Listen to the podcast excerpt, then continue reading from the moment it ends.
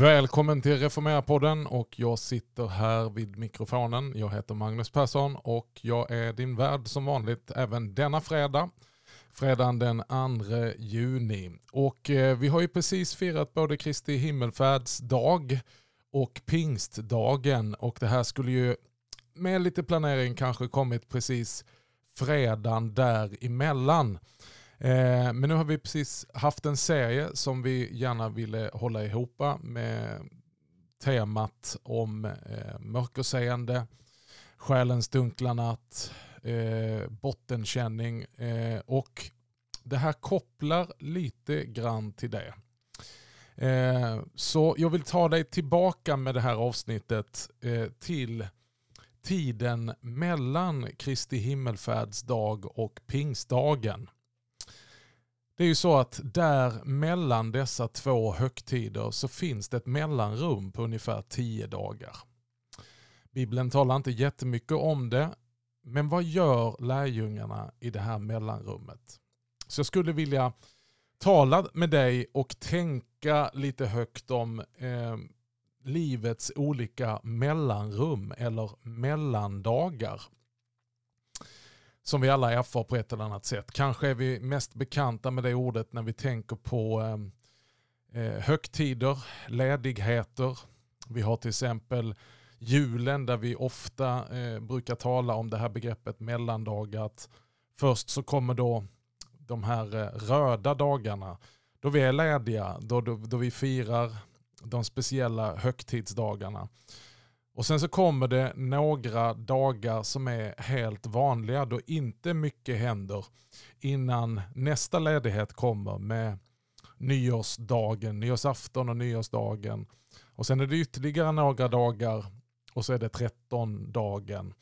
Däremellan finns det dagar som inte är sådär uppmärksammade, som inte har ett eget namn eller ett eget firningsämne utan är helt bara vanliga dagar Eh, och ligger de då helt rätt då eh, betyder det att eh, då, då får vi lite längre ledighet. Ehm, och ibland så kan ju mellandagarna vara så här jobbiga, det händer ingenting och ibland så tror jag att du, både du och jag kan uppskatta om vi ser rätt på de här vanliga dagarna.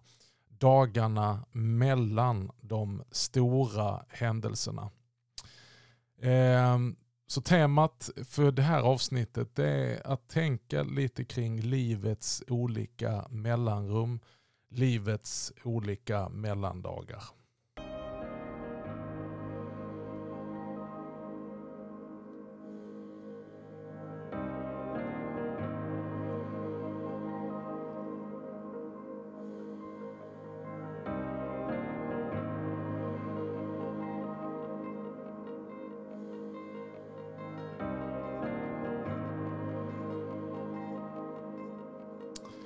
Om vi tänker då på lärjungarna eh, alldeles konkret i den här situationen mellan Kristi himmelfärdsdag och pingstdagen så är det intressant att ställa frågan vad gör lärjungarna i det här mellanrummet? De här mellandagarna som finns. Bibeln talar inte jättemycket om det. I några korta verser i Apostlagärningarnas första kapitel så eh, nämns det eh, lite grann om vad som sker under de här mellandagarna. Och med utgångspunkt därifrån så skulle jag vilja eh, tala lite grann om hur kan vi hantera och navigera livets olika mellanrum och mellandagar. Och vi ska läsa alldeles kort ifrån Apostlagärningarnas första kapitel, vers 10 börjar vi med och ta, ta liksom sats ifrån när eh, Kristus stiger upp och eh, sätter sig på sin tron eh, och lämnar lärjungarna. Det står så här. Medan de såg mot himlen dit han steg upp stod plötsligt två vita män klädda, eller förlåt, plötsligt två män i vita kläder hos dem. De sa Galileer, varför står ni och ser mot himlen? Den är Jesus som togs upp från er till himlen. Han ska komma tillbaka på samma sätt som ni såg honom stiga upp till himlen. Då vände de tillbaka till Jerusalem från berget som kallas Olivberget. och ligger nära staden, en sabbatsväg därifrån. När de kom dit gick de upp till den sal på övervåningen där de brukade vara. Och så kommer det en lång uppräkning av namn. Vi känner igen flera stycken av dem. Petrus, Jakob, Johannes, Andreas, Filippos, Thomas och så vidare. Och så står det alla dessa höll enigt ut i bön tillsammans med några kvinnor. Jesu mor Maria och hans bröder. Där har du Apostlagärningarna 1, vers 10-14 och några verser till ägnas åt de här mellandagarna innan andra kapitlet börjar med pingstdagen. Änglarna säger till lärjungarna varför står ni och ser mot himlen? Jag tror vi kan känna igen oss i den eh, posen. Att stå och titta frågande mot himlen. Vad händer nu? Eh, en sorts handfallenhet, undran, osäkerhet, kanske till och med rädsla, förvåning. Eh, eh jaha, nu stiger Jesus upp till himlen. Nu har han lämnat oss här efter 40 dagars intensiv förtätad gemenskap tillsammans med honom efter uppståndelsen. Och nu kommer liksom nästa dramatiska skifte. Men det är ju inte så att direkt dagen efter Kristi himmelfärdsdag så kommer pingstdagen. Utan här finns ett mellanrum. Eh, och vi är bekanta med de här mellanrummen i livet. Det kan vara ett mellanrum som inte bara är på tio dagar, det kan vara tio månader. Ja, jag tror att somliga skulle kunna vittna om mellanrum som är ännu längre än så. Mellandagar, mellanrummet mellan dramatisk kamp och härlig seger. Mellanrummet mellan mörker och ljus. Eller för de av oss som sysslar med kyrklig verksamhet, församlingsbyggande, mellanrummet mellan stiltje och väckelse. Eh, vad gör vi i mellantiden? Vad gör vi med alla de dagar som inte är firningsdagar, högtidsdagar, stora dagar, utan är, ska vi kalla dem för bleka, kanske ibland mörka mellandagar. Vi ska titta lite grann på vad är det lärjungarna gör. Det första som jag skulle vilja tala om. Jag ska tala om fyra stycken saker som jag vill skicka med och tänka, tänka lite högt tillsammans med dig om. Eh, det första skulle jag vilja kalla för det är vanans kraft. Att vila i vanan. Det står att när de hade hört vad änglarna förkunnade, att han som har stigit upp, han ska komma tillbaka på samma sätt. Då står det, då vände de tillbaka till Jerusalem och gick upp till den sal på övre våningen där de brukade vara. Vi känner igen både Jerusalem och den övre salen. Den övre salen var liksom deras plats som betydde väldigt mycket för dem. Det var den där platsen där de hade fått uppleva så mycket avgörande tillsammans med Jesus. Där instiftades nattvarden. Där var de tillsammans sista kvällen innan korsfästelsen. De vände tillbaka dit de brukade vara. Det skulle vara frestande att tänka att lärjungarna nu i det här läget börjar tänka ut något helt nytt. De sätter sig inte ner och säger att vi behöver hitta en ny vision nu. Eh, nu har Jesus lämnat oss, vad ska vi hitta på? Det står inte att de drar till Damaskus eller Kairo. Utan de går dit de eh, är vana vid att vara. De eh, drar till det kända. De eh, förflyttar sig till deras baslinje. Jag är ingen eh, stjärna på tennis. Men jag har tittat mycket på tennis och kanske spelat en del. Eh, och när man tittar på tennis och tittar på riktigt duktiga tennisspelare så ser man ju hur de far hit och dit, fram på nät och springer till höger, springer till vänster. Men du kan urskilja ett mönster, det är att varje tennisspelare återvänder till ett centrum hela tiden där den utgår ifrån. Vare sig de har varit framme på nät, ute på högersidan eller ute på vänstersidan för att plocka olika bollar så an, återvänder de alltid till baslinjen. Jag tror att det är viktigt att ha ett centrum, en baslinje att vända tillbaks till. Eh, att ha en vana att falla tillbaks på som man kan vila i just i mellanrummen, i mellantiderna och på mellandagarna. Ofta när vi söker efter vägen framåt så kan vi kanske ibland stirra oss blinda på att bara tänka framåt. Medan vägen framåt kan vi kanske urskilja genom att säga bakåt. Någon har sagt your future destiny is revealed in your past history. Alltså att det finns milstolpar bakåt i tiden och i livet. I kanske en kyrkas historia som ger en föraning om att vägen framåt är kanske inte något radikalt annorlunda. Det handlar kanske inte om att jämt bara tänka ut något nytt, hitta på någonting nytt, utan att falla tillbaka till det som är baslinjen. Att göra saker av ren vana eller på rutin har ett oförtjänt dåligt rykte. Jag skulle hellre vilja säga att en god vana det är en god gåva. Och det här med vanor och heliga vanor, ja det är ju inte Bibeln på något sätt tyst om. Om detta vittnar hela kyrkohistorien. Eh, vad det finns för en kraft att etablera heliga vanor som sen vi får vila i. Det står till och med om Jesus i Lukas evangeliet 4 och 16. Att han kom till Nasaret där han hade vuxit upp. Alltså ett återvändande även där. Och på sabbaten gick han som han brukade till synagogan. Det är inte helt fel att göra det till en god vana att gå till kyrkan. Det behöver inte vara på grund av inspiration. Det behöver inte vara på grund av alltid entusiasm eller sug. Utan egentligen bara att göra det för, på grund av en god vana. Tänk så mycket grejer vi har i vårt liv som vi gör bara för att vi har lärt oss göra det. Som vi gör på rutin, som vi inte alltid gör med inspiration, som vi inte alltid ens kommer ihåg.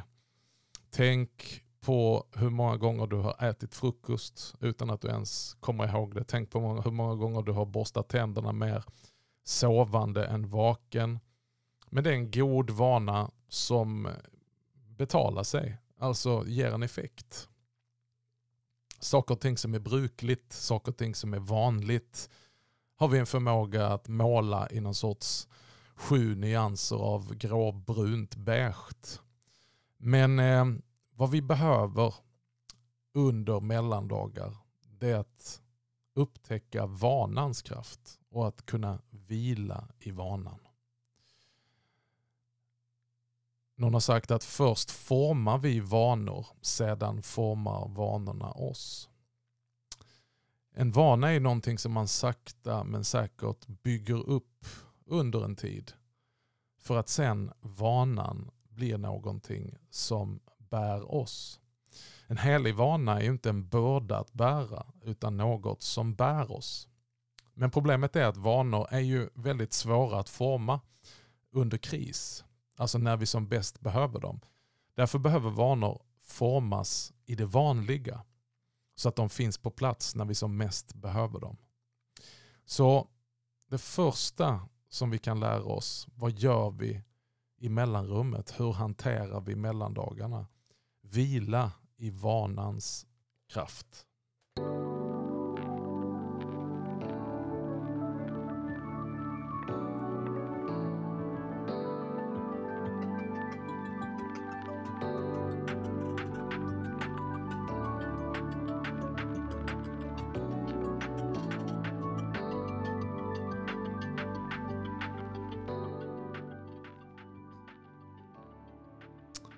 Om den första punkten handlade om vanans kraft och att vila i vanan så handlar den andra punkten om löftets kraft. Att hålla fast vid löftet.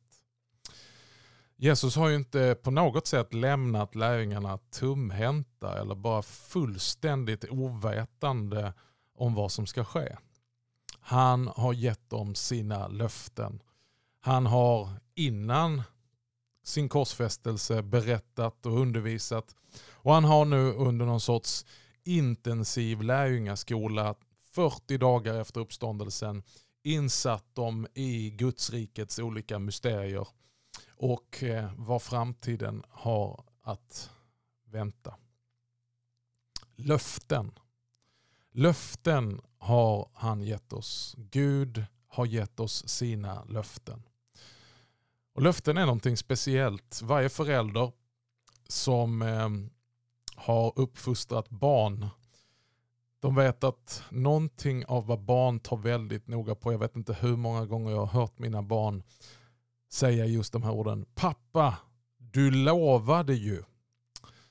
Ibland så, eh, och inga likheter med, med Gud eller Guds ord eller Jesus på något sätt, men ibland så så är vi kanske trötta eller eh, vi, vi, vi, vi försöker komma ur någon situation utifrån bekvämlighet eller någonting annat.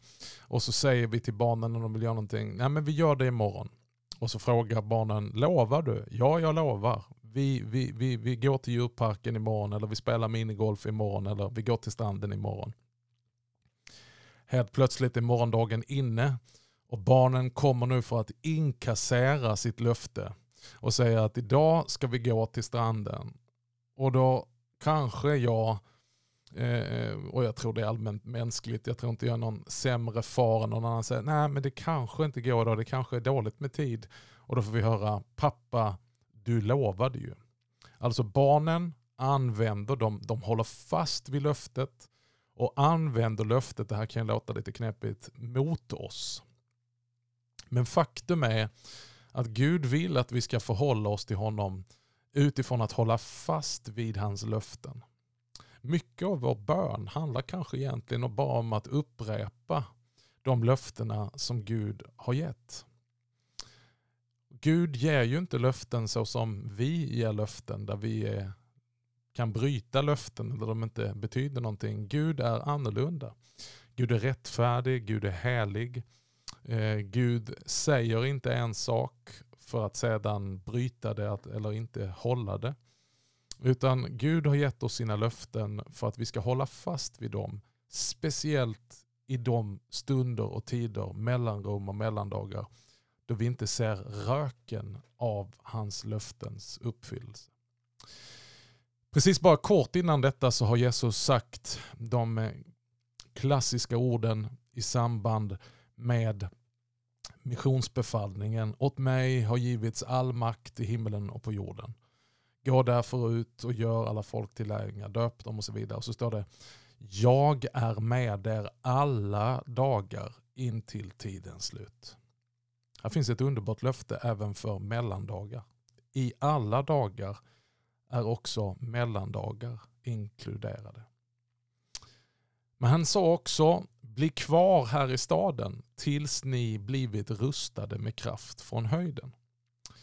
Därför så återvänder lärjungarna till Jerusalem, stannar kvar i den övre salen och väntar på det som Jesus har lovat, nämligen att de ska bli rustade med kraft från höjden. Och det är ingen bara opersonlig hokus pokus kraft, utan han har länge och väl undervisat om detta, det som står nedtecknat i till exempel Johannes evangelium. Han säger att jag ska sända det som Fadern har lovat. Så att Jesus understryker Faderns löfte. Jag ska sända er helig ande, hjälparen. Och hjälparen ska komma, han ska påminna er om allt jag har sagt, han ska leda er in i hela sanningen.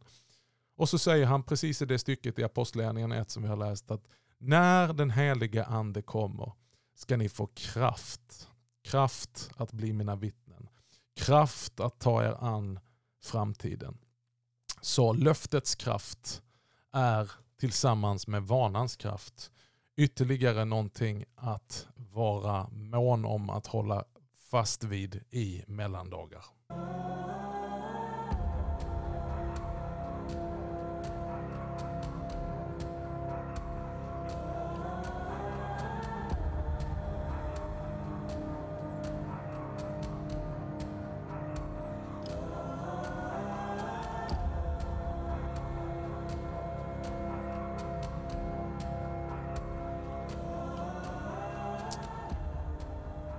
Den tredje saken som vi kan utläsa ur det här lilla textsammanhanget om mellanrummet mellan Kristi himmelfärdsdag och pingstdagen, det är vad vi skulle kunna kalla för gemenskapens kraft eller gemenskapens gåva. Och jag brukar använda ett begrepp som jag kallar för stanna i klungan. Vad gör man när man inte riktigt vet vad man ska göra? Ja, vi får ju en beskrivning här i det bibelordet som vi har läst om. Det står att de vände tillbaka till Jerusalem. Det står att de vände tillbaka till övre salen för att invänta det Jesus hade lovat. Men sen kommer det en lång eh, uppräkning av alla de här namnen som vi har lärt känna genom evangelierna. Namnen på alla lärjungar och kvinnorna som fanns tillsammans med dem. Jesu mor Maria och några andra icke namngivna. Det finns en gemenskap. När jag eh, löpte mitt eh, enda maraton, eh, Köpenhamns maraton, den 17 maj 2007, så eh, tränade vi intensivt. Vi var ett gäng som gjorde det. Eh, och vi hade väldigt kul och, och väldigt ont hade vi också under mycket träningsverk. Eh, och min käre gode vän Henrik som, som tränade oss och, och coachade oss inför det här maraton. Jag kommer ihåg hur han gav oss några sista uppmaningar inför det här stundande maratonet. Det är en prövning. 42 kilometer. Eh, I det här fallet i stekande solen, väldigt varm, 17 maj fast det var inte i Norge utan det var i Köpenhamn. Och Det som har stannat vid mig och som har blivit en sanning som också har med det kristna livet att göra och som har med de här mellandagarna att göra. För sannoliken så fanns det väldigt mycket sådana här mellanperioder i det här löpet som för min del varade i fyra timmar och 21 minuter. Starten var ju väldigt fantastisk. Målgången var skön. Men däremellan så kändes det som att ta sig igenom väldigt mycket mellantid. Och då sa vår coach Henrik så här. Det viktiga att tänka på som kan hjälpa er trots att ni inte är i toppform. Det är stanna i klungan. Och så sa han också det som står i tunnelbanan om du går av i, i London på de olika stationerna. Mind the gap. Vad menar han med det? Jo, det är inte rocket science, men det är förunderligt. Hur det är enklare att löpa och hålla ut och orka om man löper tillsammans med någon. Det var det han menade med stanna i klungan. Och mind the gap, med det vill han säga akta när du börjar se att nu börjar det bli ett större och större växande avstånd till gruppen som du löper med. För att när du löper i grupp tillsammans med de här andra som du har tränat med, tillsammans med andra som är kanske också i bättre form än dig eller som just nu inte har kramp, då kan du få draghjälp. Det är precis som att du, du löper längre och enklare i grupp. Jag tror inte det är av bara liksom en slump att den heliga ande har lett Lukas att skriva så här.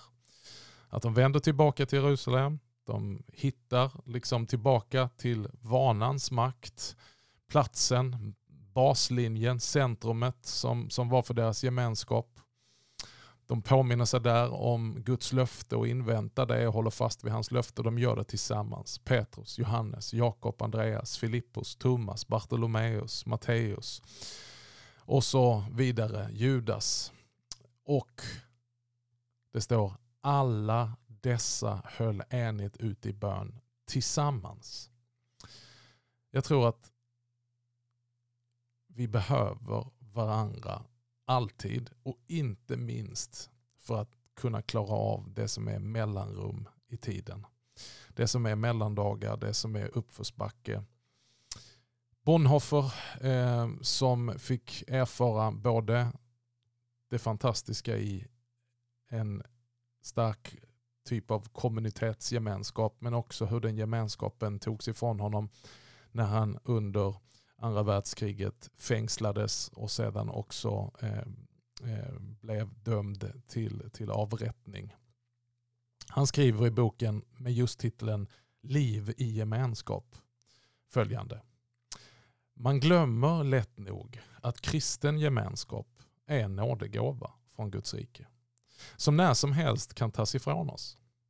Därför bör var och en som ännu har förmånen att leva ett kristet liv gemensamt med andra prisa Gud av hela sitt hjärta och tacka Gud på sina bara knän och bekänna det är en nåd att få leva i gemenskap med andra kristna. Så långt citat Dietrich Bonhoeffer. Eh, vi kan inte nog Eh, lyfta fram gemenskapens gåva, inte minst i livets olika mellanrum. Därför upprepar vi varje söndag när vi bryter brödet, så är vi fast en många, en enda kropp, ty alla får vi del av ett och samma bröd. Vi behöver varandra.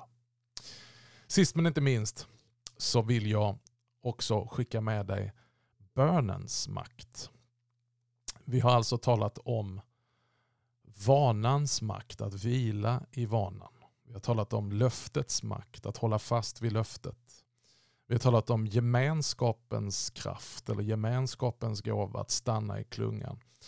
Och sist av allt bönens kraft. Det lönar sig alltid att be. De här som eh, hade dragit tillbaka till Jerusalem och samlats i övre salen, det står att alla dessa, alla dessa höll enigt ut i bön. Bön är aldrig bortkastat. När vi ber så händer det alltid åtminstone något när vi ber. Även om vi inte kanske just när vi ber ser eh, något tecken på bönesvar så händer det så mycket mer när vi bär. Det händer någonting med den som bär. Ibland så ehm, har vi bara blick för själva bönen och bönesvaret. Men vi ser kanske först efter en tid vad som händer med bedjan. Det finns otroligt mycket som jag har slösat min tid på. Och som jag kan ångra. Ångra alla timmar, dagar och veckor jag har lagt på olika saker som egentligen är helt meningslöst. Men jag kan nog ärligt säga att jag aldrig har ångrat en enda minut som jag har ägnat åt bön eller bibelläsning. Och Det här med löftet det är ju väldigt kopplat till bön. För att Gud har genom hela gamla testamentet och i Jesus Kristus gett oss konkreta löften som är kopplade till bön. Jesus säger vad helst två eller tre av er kommer överens om i bön ska Fadern ge er. Han säger vidare be så ska ni få. Ehm, det är ju faktiskt så att om vi lever i ett mellanrum och det är kanske väldigt mycket som vi inte kan göra eller vi vet inte vad vi ska göra. Men be går alltid att göra. Och då finns det kanske du som lyssnar och säger att jag kan inte be på det där viset eller be si eller be så.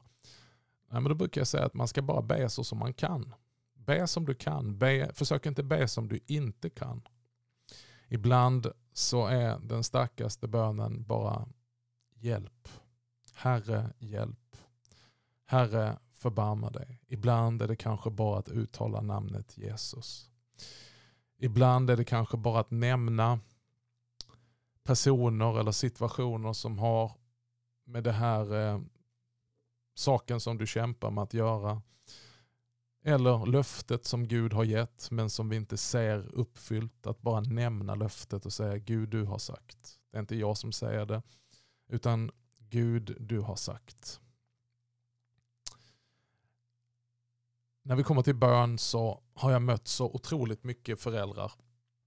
Och jag är själv förälder och har tre barn två barnbarn. Och eh, det är ju inte så att någon förälder någonsin inte har haft utmaningar med sina barn oavsett vilken ålder de är i. Och ibland så får jag ofta frågan vad ska jag göra med mitt barn? Kanske är det så att du är bekymrad över ditt barn. Ditt barn har inte funnit tron eller har blivit besviken på kyrkan eller lämnat kyrkan. Och många ställer just den frågan, hur ska jag kunna leda mitt barn till tro? Och är det att mina barn inte vill gå till kyrkan, är det mitt fel? Är det vi som har varit dåliga föredömen? För det första så vill jag säga till eh, alla föräldrar som kämpar med de anklagelserna och det dåliga samvetet att anklaga inte dig själv för hårt. Det finns egentligen bara en enda helt perfekt och fullkomlig förälder eller fader i hela universum. Och alla hans barn gjorde uppror. Men när det gäller barnen så skulle jag vilja eh, uppmuntra dig till bön. Du kanske befinner dig som mina föräldrar gjorde i ett långt mellanrum. Det fanns ett långt mellanrum mellan Magnus Persson som litet barn som var med i barnverksamheten och var med på varenda gudstjänst och gick med mamma och pappa till kyrkan.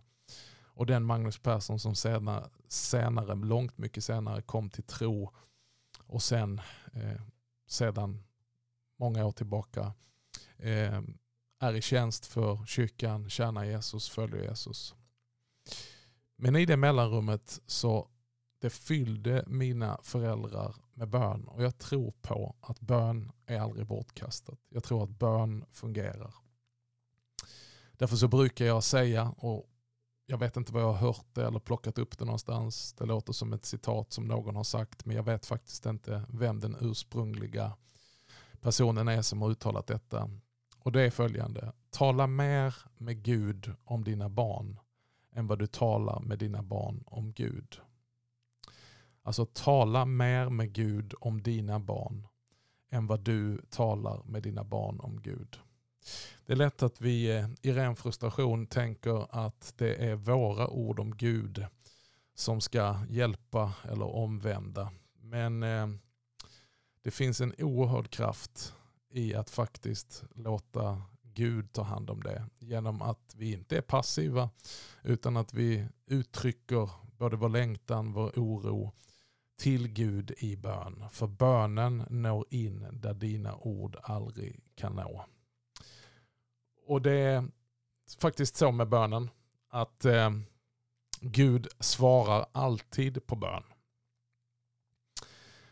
Man skulle kunna säga att de, och göra det väldigt förenklat, att Gud svarar antingen ja eller så svarar han nej på vår bön. Men det är alltid för att han i så fall har någonting som är bättre. Kanske inte bättre just nu i våra ögon, men han som vet allt, kan allt och ser allt. Han vet att det vi ber om, det är inte det han vill, det är inte det som är det bästa. Han vill vårt absolut goda och därför säger han nej för att han vill ge oss någonting bättre. Men det tredje svar, det är ett ja, fast inte ännu. Jag tänker på Jesus med hans första miraklet, mirakel i bröllopet i Kana. Hans mamma kommer till honom och säger de är utan vin. Vinet har tagit slut. Jesus gör någonting. Och då svarar han sin mamma och vi kan läsa det lite hårt men han säger min stund har ännu inte kommit. Han säger inte nej. Han säger inte att han inte bryr sig utan han säger ja men ännu är inte tiden inne för det miraklet. Men vi som har läst historien till slut, vi vet att Jesus förvandlar en oändlig mängd vatten till vin. Och de har vin i överflöd och den bästa sorten av vin. Det lönar sig att be.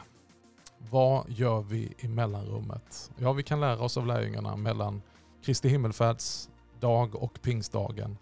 Att i mellanrummet så vilar de i vanan de håller fast vid löftet. De stannar i klungan och gemenskapen. Och de ber. För det lönar sig alltid att be. Några ord för dig som kanske kämpar med mellanrummet. Som tar dig igenom dagar av mellandagar. Tack ska du ha för att du har lyssnat på Reformera podden idag och välkommen tillbaka till oss nästa fredag.